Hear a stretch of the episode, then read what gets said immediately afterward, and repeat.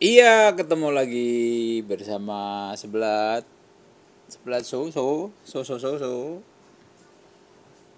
Hmm, ada topik apa yang kira-kira menarik ya? O- Oke, kita bahas tentang May Day yang kemarin diperingati uh, semuanya tahu ya itu kaitannya dengan buruh. Buruh.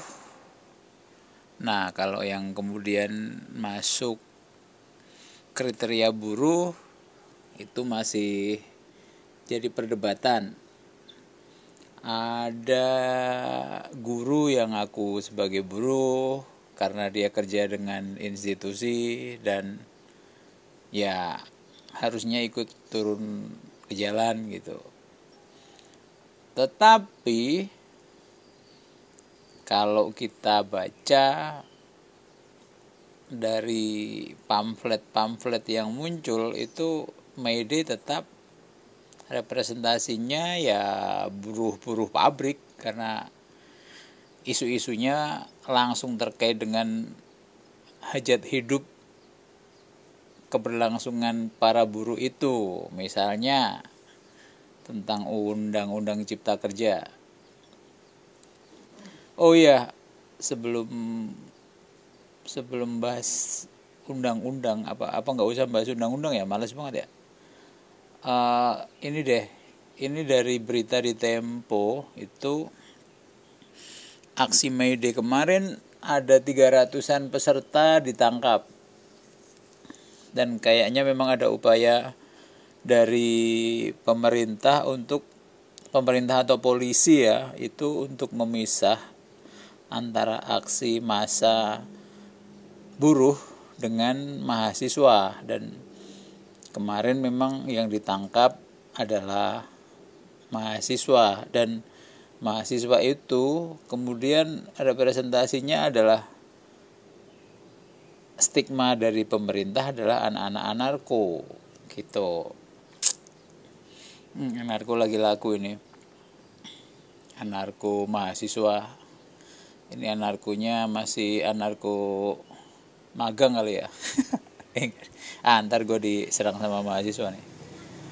Iya anarko mahasiswa dan mahasiswa memang umur-umur ideal untuk menjadi manusia idealis sebelum jadi kuli setelah lulus ya. Ya hidup masih disokong orang tua masih bisa teriak-teriak seenaknya.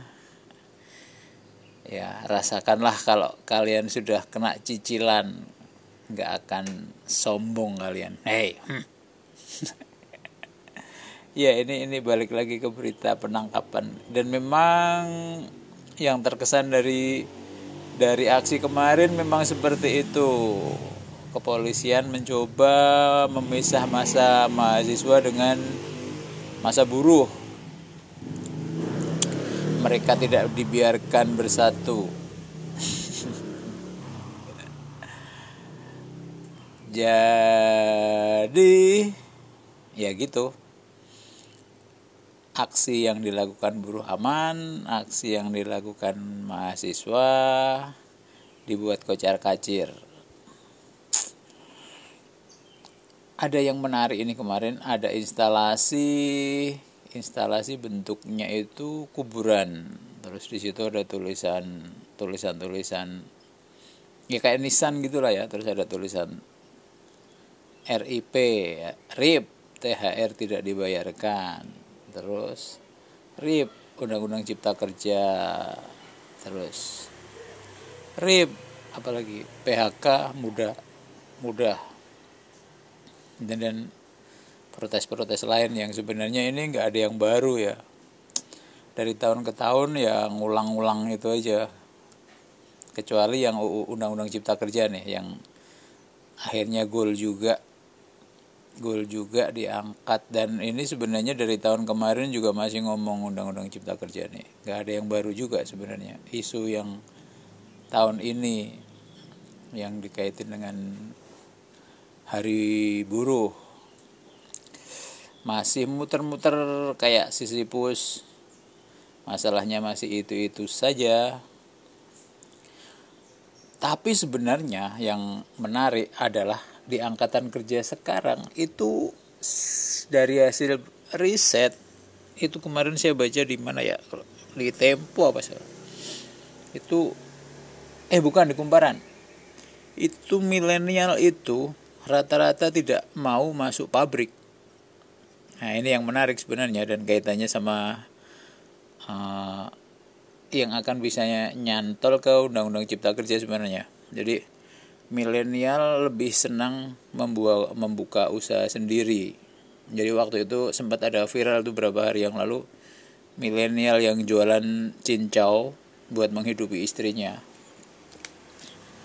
Terus ada teman saya sih milenial yang jualan Al-Qur'an. Nah, itu menarik juga tuh. Dia meneruskan bisnis orang tuanya setelah lulus S2 gitu. Nggak tahu S2-nya lulus apa belum. Jadi kecenderungannya memang milenial itu mandiri ya. Mereka nggak bisa nggak mau terikat gitu. Dan itu kalau kemudian dijembrengin nyambungin ke cipta kerja yang dia itu mempermudah urusan koperasi terus uh, urusan perizinan itu masih agak nyambung ke situ ya. Nggak nggak agak ya nyambungnya ke situ. Yang mungkin cita-citanya Jokowi memang pengen bikin banyak pengusaha muda startup startup yang ya tetap sih ketika kemudian dia akan bertarung dengan perusahaan-perusahaan yang sudah mapan ya tetap kalah lah ya tetap lah ya. Tapi memang celahnya bisa jadi lebih dipersempit gitu yang penting perputarannya itu cukup untuk menghidupi sekeluarga gitu kali bisnisnya. Kayak misalnya teman saya itu yang bisnis buku gitu. Ya dia cakupannya mungkin nggak terlalu ke mana-mana gitu. Terus jualnya juga ke platform online yang memang sekarang tapi ada beberapa platform yang mulai membuka toko sendiri dan itu sebenarnya lebih mengancam dari UU Cipta Kerja sih. Jadi pengusaha-pengusaha baru, pedagang baru itu sekarang di platform online juga terancam oleh si pembuat platform itu yang dia bisa melihat kecenderungan ada barang yang laku terus dia jual sendiri barang itu. Nah, itu itu sebenarnya PR juga nih untuk untuk isu hari buruh gitu. Isu yang lebih terkini sebenarnya perlindungan pedagang online di platform online. Nah, itu perlu diperjuangkan itu kalau menurut saya ya. Yang lainnya bukannya nggak penting ya isu soal THR atau apa itu itu efek sebenarnya. Ya kalau kondisi susah terus gaji harus dipotong karena pandemi terus karena karena kondisinya ya lagi turun ya gimana lagi? Mau teriak-teriak sampai bego juga perusahaan di sebelah juga nggak keluar duitnya kan?